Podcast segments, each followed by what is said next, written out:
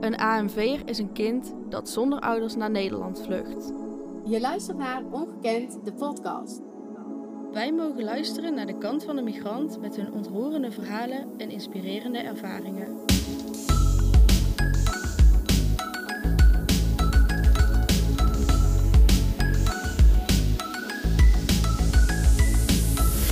Met vandaag Oliveira Francisco, Leeftijd. 36, Angola of Nederland? Nederland. Dit mis jij het meest uit Angola. Op straat spelen. Nederland in één woord. Paradijs in de wereld. Oliveira is als alleenstaande, minderjarige vluchteling naar Nederland gekomen. Gelukkig kreeg hij daarbij wel hulp van het Rode Kruis. Al snel kreeg Oliveira het gevoel een nieuw soort familie te hebben gevonden in het AZC. Voor zijn studie reist hij naar verschillende landen met als favoriet Portugal. Momenteel is Oliveira maatschappelijk teamleider bij Vluchtelingenwerk en in de toekomst hoopt hij zijn politieke ambities na te streven om zo belangrijke problemen in de wereld aan te kunnen pakken. Wij, Milou en Mout, spreken hem vandaag over zijn vluchtverleden, stereotypering en zijn toekomstplannen. Nou, Olly, volgens mij mag ik jou Olly noemen, hè? Zeker, In de zeker. volksmond op de werkvloer, want wij zijn collega's. Ja, En eh, leuk dat je er bent vandaag, fijn. dankjewel. Deze podcast gaat over migratie, alle kanten hopelijk daarvan, die we mogen laten zien. Eh, dus we hebben al afgesproken dat we hier niet te lang bij stilstaan, maar jij bent naar Nederland gekomen als AMV'er. Juist. als alleenstaande minderjarige vluchteling, wat natuurlijk wel al een verhaal op zich is. Mhm. Kun je daar iets over vertellen? Ik zou zeggen, dat was de mooiste tijd van mijn leven. Je moet voorstellen, iemand die vanuit land komt, ergens in Afrika of in Zuid-Amerika, waar je wordt belemmerd om een bepaalde droom voor te zetten. Toen ik in Nederland ben gekomen als AMA, ik zie alle deuren voor mij open. Want ik ken Nederland van de tijd van Goed Gullit, de tijd van voetbal, Frank, Frank Rijkaard. En je vraagt zelf als kind, hoe kan dat een land in Europa de veel negroïden zit?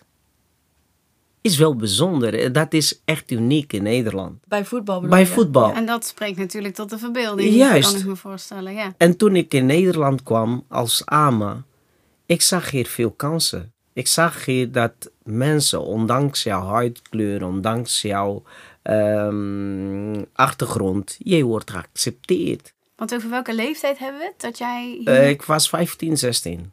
En hoe, dat vind ik wel interessant om te weten, hoe Mhm. gaat dat dan in jouw gezin? Zeggen dan jouw ouders, ga maar, of doe Nee, dit, of mijn, hoe gaat mijn dat? ouders waren al overleden. Ik ben in Nederland gekomen via Rode Kruis.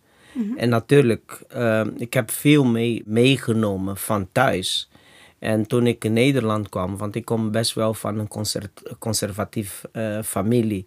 Mijn eh, vader was katholiek en mijn moeder ook katholiek. Echt katholiek die alles navolgt en noem maar, en noem maar wat. En toen ik in Nederland kwam, ja, ik, heb, ik, ik had vrijheid. Dus was voor mij echt Maar die place to be. zelf dan ook nog zwaar? Of want eh, op zich bijzonder, als ik namelijk zelf het begrip Mhm. ANV hoor, denk ik altijd al een beetje, oh, eh, zielig of Nou, vast kijk, heftig. Maar Voor Angolezen zit juist anders. Mensen uit eh, Liba, Li- Libië komen of een andere kant van de wereld moeten via die zee komen. Kijk, Angola en Portugal hebben ze echt een sterk band.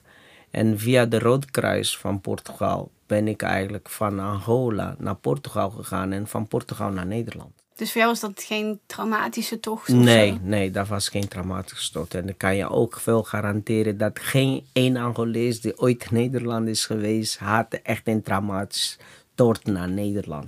Wel in het land van herkom, maar we komen wel met vliegtuig. Bijvoorbeeld, ik begeleid de jongens die vanuit Syrië komen. Ze zitten hier, maar ze moeten nog schuld afbetalen om de ticket te... te Voor de vlucht. Voor de vlucht. Wij hebben dat niet. Dus maar dan ben je wel alleen. Dat klinkt al een beetje... Ja, ik ben alleen, maar in. Nederland heb ik eigenlijk een nieuwe familie ontdekt. Ja. Want kijk, op een moment, je woont in een opvangcentrum. Je woont met verschillende nationaliteit. En ja, op het moment dat jij in zo'n centrum woont, je maakt echt vrienden. En vooral voor mij, ik ben een open iemand, ik maak makkelijk vrienden. Dat was voor mij eigenlijk ja, ik heb gewoon een nieuwe familie ontdekt in Nederland. Want je hebt niet alleen in Nederland uh, je verkenningstocht gedaan, Juist. maar zeker ook buiten de Nederlandse en Europese grens. Want jij bent vanuit Angola naar Portugal gaan, Portugal naar Nederland. Mhm. En vanuit een internationaal programma aan de Erasmus Universiteit, als ik het goed zeg, Ja, heb jij veel gestudeerd ook in het buitenland. ja, ja, klopt. Klopt dat? Klopt. Op welke plekken? Wat heb je allemaal Nou, gedaan? ik ben, eh, want met het Erasmus-programma kan je een bepaalde semester in een bepaalde land doen. Heb ik in Frankrijk, in Portugal, Engeland, in Newcastle, in Italië. En de tijd dat ik ook hier in Nederland zat, ik zat in een bas basketbalteam. En soms reizen we wel binnen Europa door. Tijdens die reis kwam je er dan achter dat Portugal jouw lievelingsland was van al die landen, toch? Nou, kijk, is niet. eh, Als ik eerlijk mag zijn, in Europa, Nederland is mijn lievelingsland. Ah ja.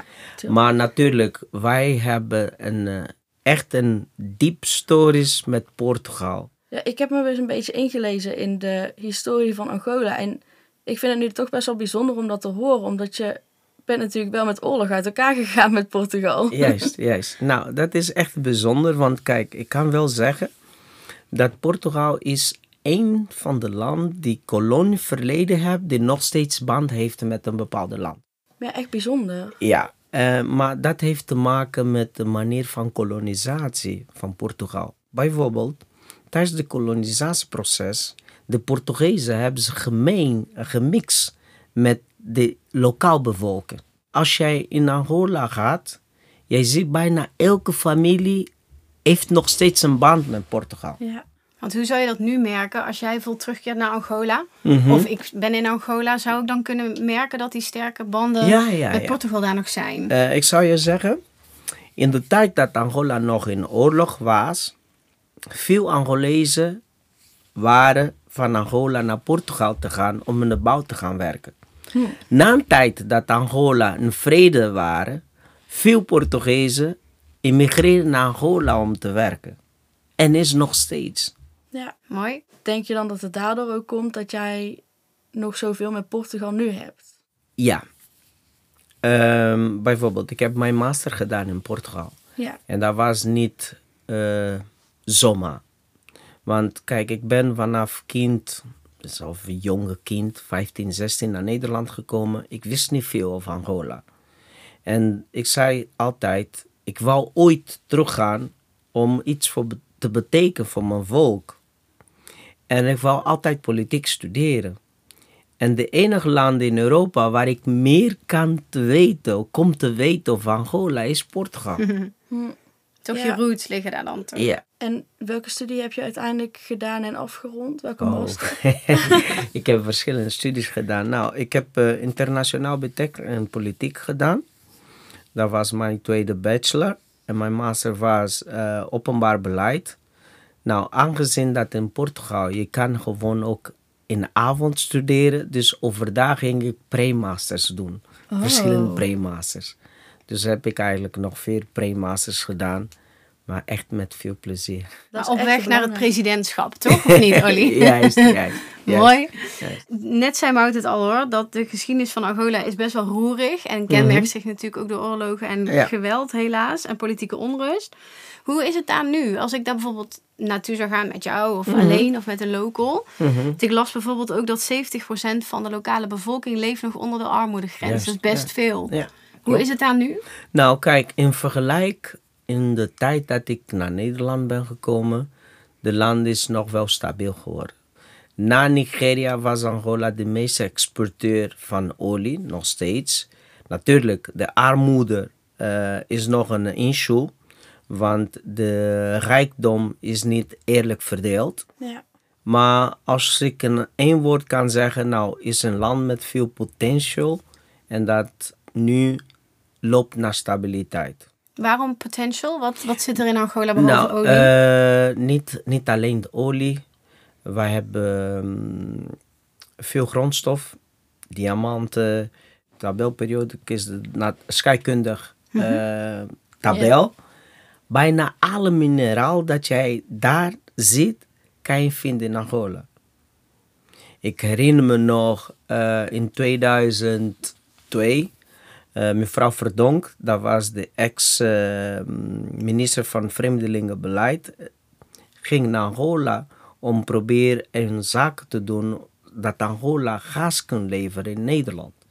Dus Angola is wel een, een land met veel potentieel, maar natuurlijk de corruptie en de politiek en de verdeeld van de rijkdom is nog niet helemaal in orde. Daarom wil ik ooit in toekomst de politiek in om deze problemen zien te, te verbeteren. Is een van mijn doel, zeg maar. En hoe zie je dat voor je? Wat zou jouw ideale toekomst zijn vanaf nou, nu? Uh, het begin, ik wil graag ooit de Nederland vertegenwoordigen ergens in de wereld. Uh, een consulaat of een ambassade. Daarom een van mijn doel is binnen het ministerie van Buitenland te komen. En daardoor mijn politieke ambities zien te halen. En wat wil je dan mensen meegeven vanuit die positie?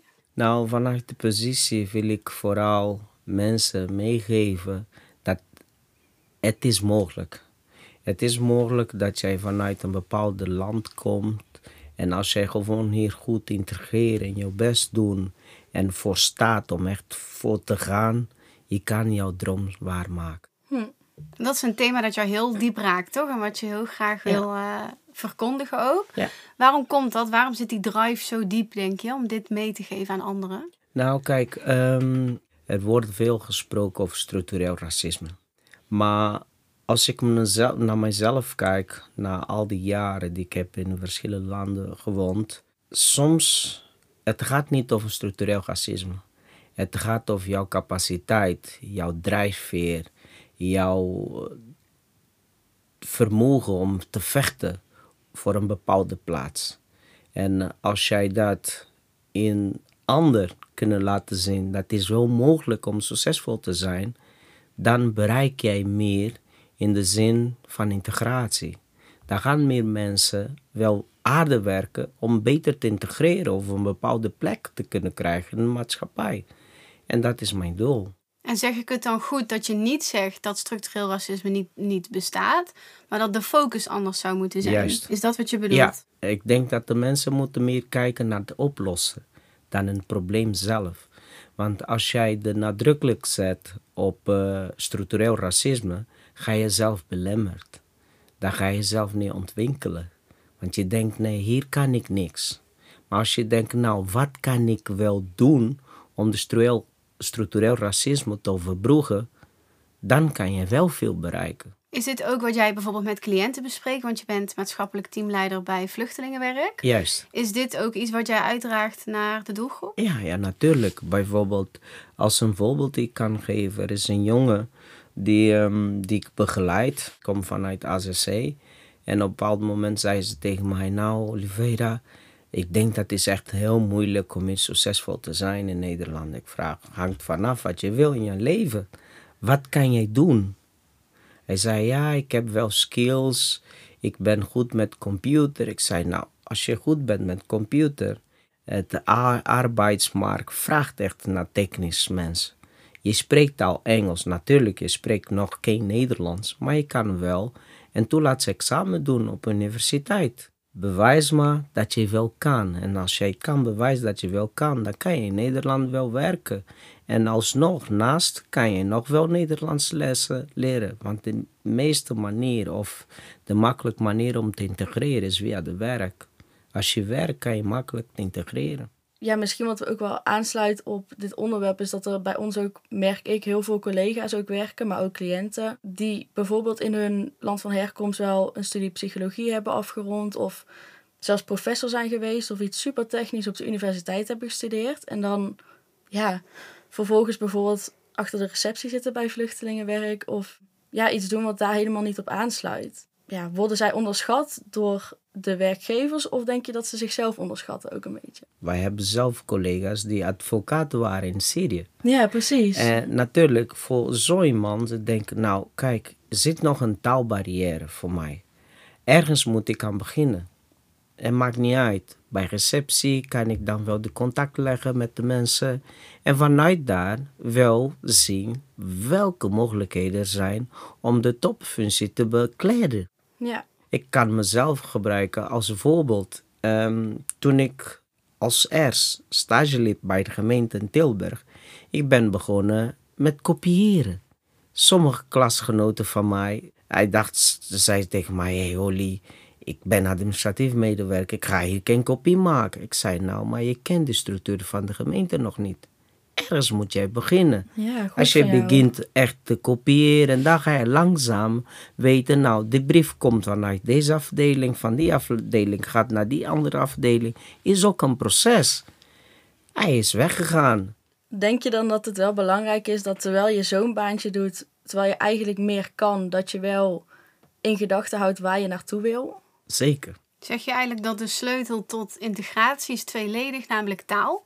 Dat Juist. heb je gewoon nodig. Ja, En is eh, die stip op de horizon, maar ben bereid ergens onderaan te beginnen, hulp te vragen. ja Maar zolang je maar in gedachten houdt waar je naartoe wilt. zeker. En dat vertrouwen in jezelf ook blijft houden. Dat je dat kunt, ook omdat je het in het land van herkomst wellicht deed. Juist. En denk je dan ook na over de inhoud van die hervorming? Ik snap dat je daar misschien uren over kunt praten. Maar stel, je wordt morgen vroeg wakker als president Olie van eh, Angola. Wat zou je dan als eerste doen? Nou, de eerste zou ik echt denken aan onderwijs. Ik zou daar echt meer focus aan, onder, aan onderwijs. De kwaliteit daarvan. kwaliteit daarvan. Als de bevolk meer kennis hebben, kunnen ze beter verdelen. Mooi. Onlangs heb jij met heel veel trots volgens mij de Angolese verkiezingen een soort van in Nederland begeleid. Of wat, wat heb je precies gedaan? Nou, kijk, ehm, er zijn, want Angola en Portugal hebben ze nog steeds een overeenkomst. Want Portugal ondersteunt de parlementairs in Angola. Via deze kanaal heb ik eigenlijk voor gezorgd dat ik eh, de stem kon, kon tellen. In de consulaat van Angola hier in Rotterdam. Maar mijn achterliggende gedrag, gedrag was om even te kijken hoe kan echt fraude ontstaan. En hoe? Nou, kijk, ehm, de Angolese verkiezingen zit als volgt. Iedere partie, politiek partij moet een vertegenwoordiger aanwezig zijn. En dan moeten mensen in de tafel die de stemmen gaan kiezen, eh, gaan tellen, eh, sorry. En nog een observateur, zeg maar, een man die vanuit het buitenland komt te kijken. En die media. En al die mensen waren daar. Ik vroeg nou, hoe kan het dan wel fraude ontstaan?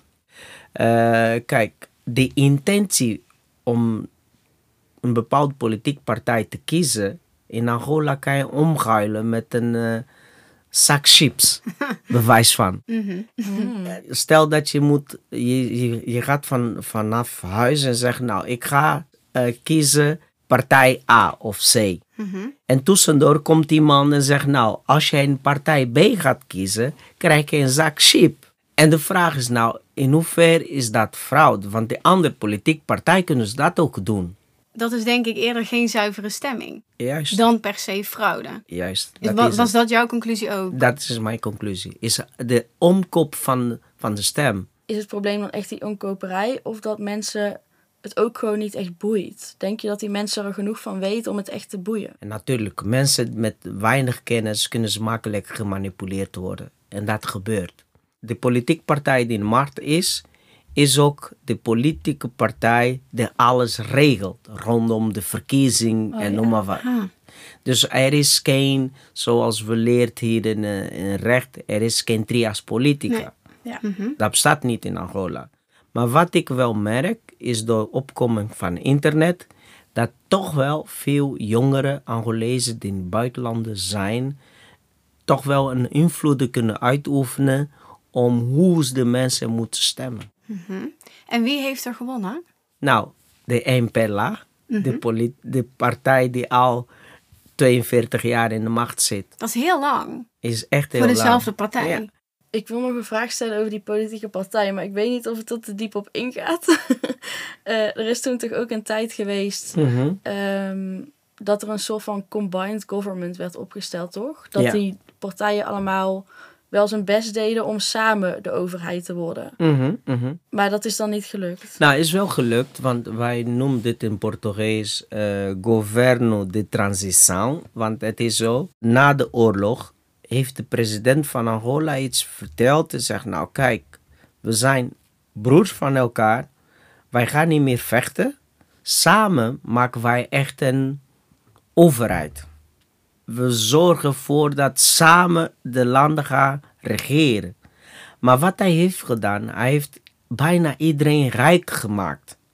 Van die Van de, van de partijen. Van andere partijen. En toen ze dachten, wij willen geen politicus meer. Zolang dat wij rijk blijven worden. Oh, dus ze hebben gewoon het geld gepakt en zijn weer gestopt. Van. Juist. Oh. We pakken even terug op het stukje stereotypering. Daar hebben we het kort over gehad. Maar die vinden wij wel heel interessant om nog aan jou voor te leggen. Dus jij kwam hier als puber, mogen we zeggen. hè? Ja. Met welke stereotypering ben jij in aanraking gekomen en hoe was dat voor jou? Was niet direct aan mij toe, maar toen ik in Nederland kwam in 1999, werd veel verteld dat Antillianen werken niet. Bijvoorbeeld. ja. En dachten ze dan ook dat jij een Antilliaan was? Juist. Die tijd had ik alleen maar Nederlands vriendinnen. En soms zat ik bij een huis van een vriendin en dan komt de vader. Ben je Antilliaan? ik zei nee, ik ben geen Antilliaan. Oh, dan is geen probleem. En ineens ging ik dan wel in gesprek. Maar wat is het probleem met Antillianen? Ja, ze zijn niet verantwoordelijk en noem maar dat en dat en dat. Hoe kom je erbij? Ja, Er waren eigenlijk geen stereotyp, eh, stereotypes over Angolese mensen. Nou, kijk, de Angolese mensen op dat moment waren ze alleen als asielzoeker in Nederland. Oh ja. Daar was nog niet veel contact met de maatschappij. Maar wat ik wel merk destijds, is dat we hebben een soort dans. We heet Kizomba. Kizomba. Ja, Mhm. eh, die tijd, ik heb wel gezien dat Kizomba ooit een trend zou worden in Nederland. Ja, want Kizomba is nu heel populair. Nu is echt Onder heel... Nederlanders zeer ja, ook. is ja. echt heel populair. En Ja. dat komt echt vanuit asielz- asielzoekerscentrums. Ja. Want dit ging over toen jij nog niet zo heel lang in Nederland was. En bijvoorbeeld nu of onlangs. Word jij dan nog steeds geconfronteerd met vooroordelen over je uiterlijk of je afkomst bijvoorbeeld? Ik zelf niet. Ik ben iemand die veel leest. En ik ging eigenlijk de Nederland bevolken bestuderen. Ik ging even diep in. Wat, wat is een Nederlander zijn? En wat is dat? Nou, Kom maar. nou, Nederlander zijn voor mij betekent iemand die nauwkeurig aan de regels houdt. Dat is het principe van Nederland. We zijn gehoorzaam. Ja. Of wij, de Nederlander is gehoorzaam. Is gehoorzaam. Dat is Nederlander zijn. En op dat moment ben ik mezelf gewoon aangepast aan de regels. Dus ik heb wel eens gehoord, jij bent toch wel anders. Jij bent toch wel een ander Afrikaan. Ah, zelfs een andere Afrikaan. Ja, Ze hielden dat stereotype en zeiden dan: nee, maar jij bent anders, zeg maar. Positief dus Ja. wel. dus, nou kijk, dat is niet, aan mijn kant is niet positief. Nee eens, maar ik bedoel, zij dachten dat ze jou een soort van compliment gaven. Ja. gaven, ja. Maar ik ging altijd in gesprek met mensen. En kijk, dat is ook met alles.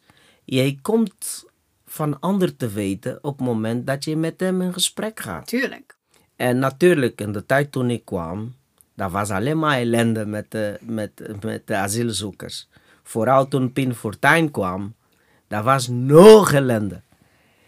En dan ga je met mensen in gesprek. Maar het was niet moeilijk voor jou. Tenminste, zo klinkt het nu niet. Nou- Jij vond dat bijna een uitdaging. Ja, voor mij was het een Ja, uitdaging. Maar ik, ik had wel vrienden die heel moeilijk vonden. Nu wonen ze in Amerika.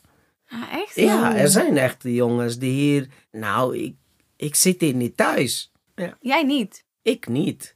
Maar weet je, op het moment dat jij weet wat speelt in de Nederlandse maatschappij, wat speelt in de Nederlandse mensen, dan ga je anders gedragen. Om jezelf tot een bepaalde positie te krijgen, om toegang te krijgen. Maar is het dan geoorloofd nog steeds dat mensen dat zeggen of vragen of denken over jou? Het is Nee. fantastisch dat jij je zo kunt aanpassen. Mhm. Grote kwaliteit, denk ik. Is dat de manier om racisme tegen te gaan? Eh, kijk, wat is racisme? Vertel mij. Nou, kijk, racisme voor mij is het barrière creëren aan de derde of aan de ander op huidkleur.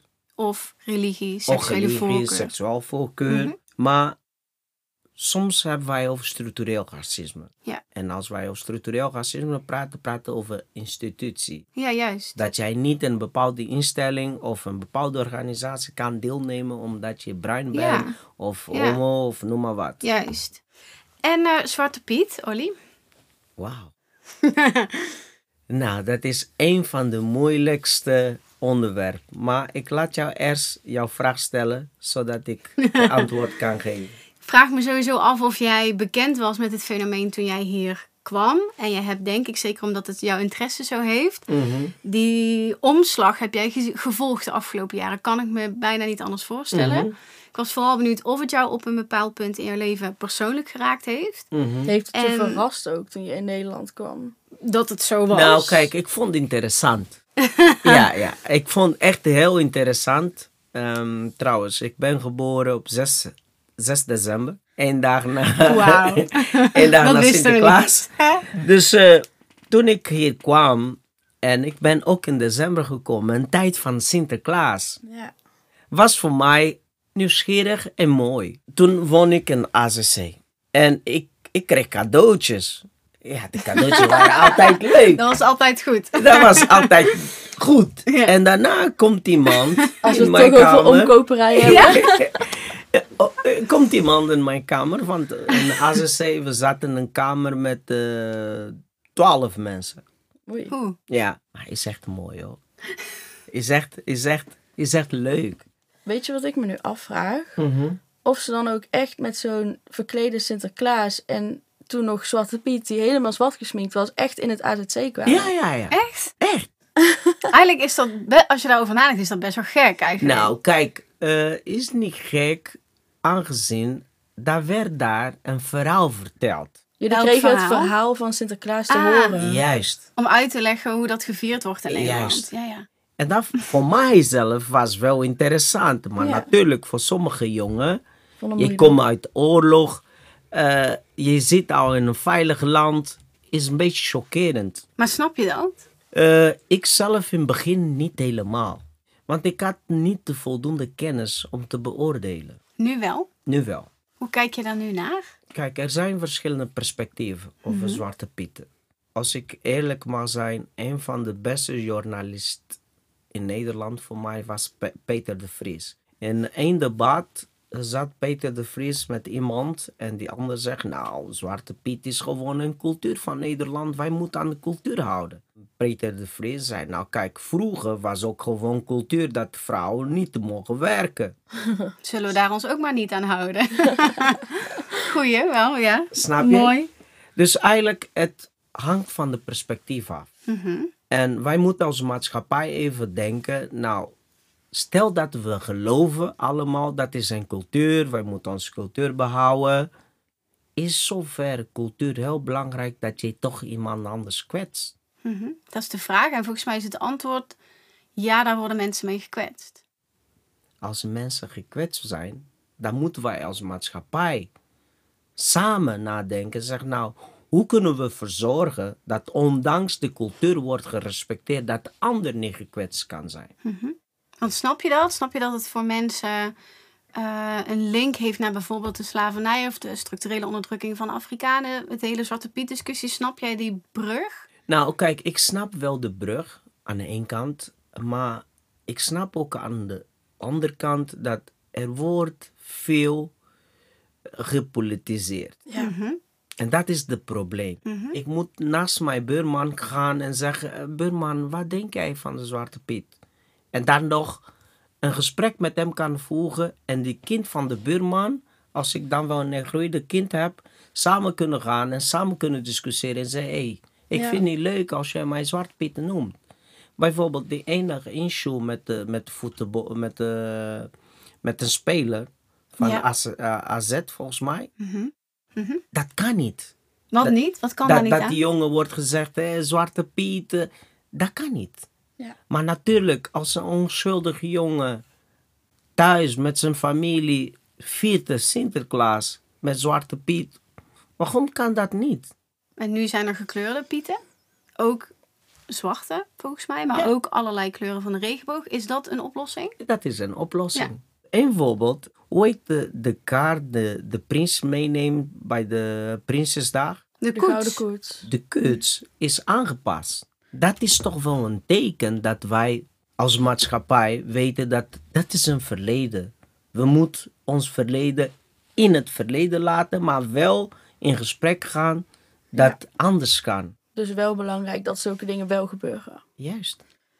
Ehm, misschien even kort, want ik weet ook dat je hier ook heel lang over kan praten. Maar bij eh, een bijeenkomst die wij een tijd geleden hadden, had jij heel erg het standpunt, en dat vond je heel belangrijk, dat je mensen niet moet zien als, oh jij bent een Nederlander, jij bent een Angolees, maar Mhm. iedereen is een wereldburger. Ja, kun je daar iets kort over vertellen? Nou, kijk, als wij mensen gaan associëren met nationaliteit, achtergrond of geloof, je gaat mensen in een hoek zetten. Voor mij is makkelijk zien de mens als mens. Bijvoorbeeld, wij werken bij vluchtelingen en we weten nou hoe de vluchtelingers die vanuit Oekra- Oekraïne zijn alle middelen gecreëerd om deze mensen op te vangen. Wij moeten wel afvragen, die vluchtelingen die vanuit Syrië komen, is geen vluchtelingen? Waarom moeten wij meer medelijden hebben van iemand die uit Oekraïne komt en niet iemand uit Syrië Ja. of uit Marokko of uit Afrika? Maar ook niet minder, vind jij dus? Juist. Ja. En zolang dat we mensen zien als mens, dan ga je niet zeggen, ik ben een Nederlander, dus ik moet alleen in de hoekje zitten. Ik ben een Ja. Angolees, moet ik in de hoekje zitten. Dus Nee. ik heb recht op hier Mhm. het land. Ja. Ja, mooi. Vond ik altijd een mooie uitgangspunt. Zeker. We blijven nog heel even in de cultuurhoek. Dit is echt een van mijn favoriete vragen, Olly. Je weet nu wat er komt. Wij borrelen wel eens met collega's. Ja. En dan borrelen wij erop los, in ieder geval met wijn en bier. Mhm. Maar jij niet. Jij zal nooit een druppel alcohol aanraken. En dat heeft een reden. Ja. Toen ik kind was, Echt kind, want je was echt jong. ja, ik was wel jong. In Angola er is een soort, ehm, wij hebben een palmenboom. In de palmenboom komt eigenlijk een zoet, een ehm, Vloeistof. vloeistof Mhm. uit de boom. En daar kan je mee drinken. Als de zon schijnt met suiker, is echt lekker. ik had nooit alcohol in mijn leven, tot die dag. Ik ging drinken met vrienden. Want daar zit alcohol in. Dus. Ja. ja. Ik ben helemaal dronken geworden. En sindsdien, En toen was je hoe oud? ik was 13. Ja. Mijn moeder heeft mij geslagen. De dag daarna kwam naar mij toe zegt, nou weet je, sorry dat ik heb jou geslagen. Hier is de drank. Drink hem maar. Nog een keer. Nog een keer. Ik heb helemaal gekut. Overge overgegeven. En sindsdien drink ik niet.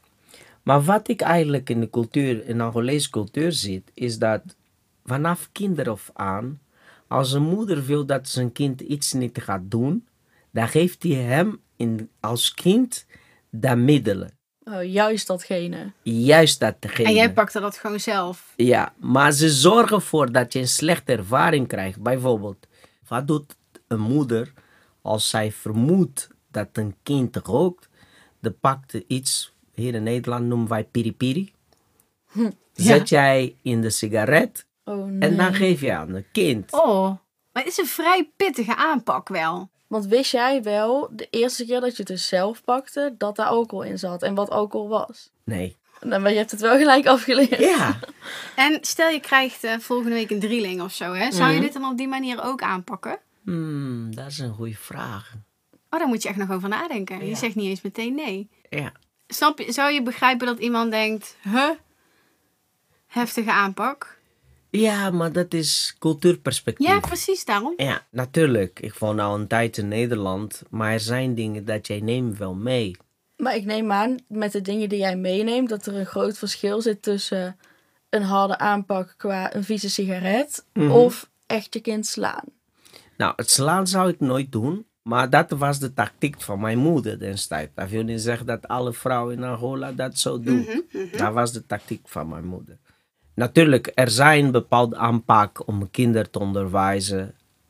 Eh, wel dat je denkt, nou, ik zou op Angolese manier doen. Ik heb vrienden die kinderen hebben. Soms zegt tegen zijn kinderen, vandaag doen wij op Angolese manier.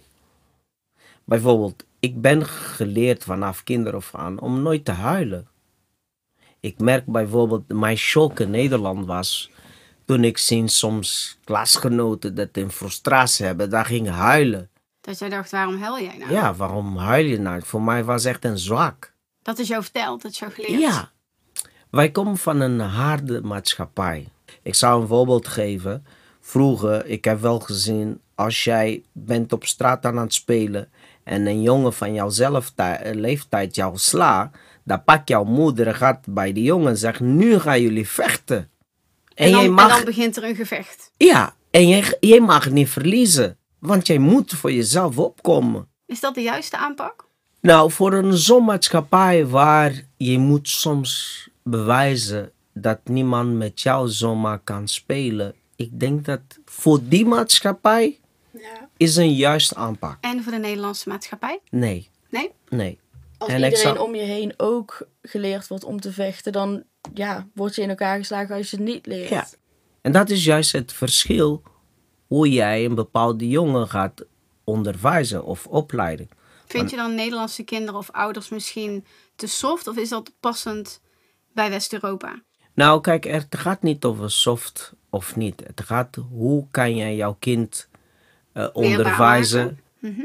conform de maatschappij waar hij het zit. Wat passend is. Ja. Dus ergens toch wel zo van belangrijk dat we met z'n allen een beetje op één lijn zitten in een land. Ja. Wellicht hebben we dit al genoemd of heb je het al een beetje verteld toen we het over integratie hadden. Mhm. Eh, maar van vluchteling tot vluchteling, wat zou jij iemand adviseren die hier op 15, 16-jarige leeftijd komt? Nou, de tijd is nou anders. Hè? De tijd toen ik hier kwam was echt anders. Maar als ik in één woord kan adviseren, is dat go for your dreams. Hmm. Misschien een advies voor iedereen. Ja, dat vind ik ook een mooi advies voor mezelf.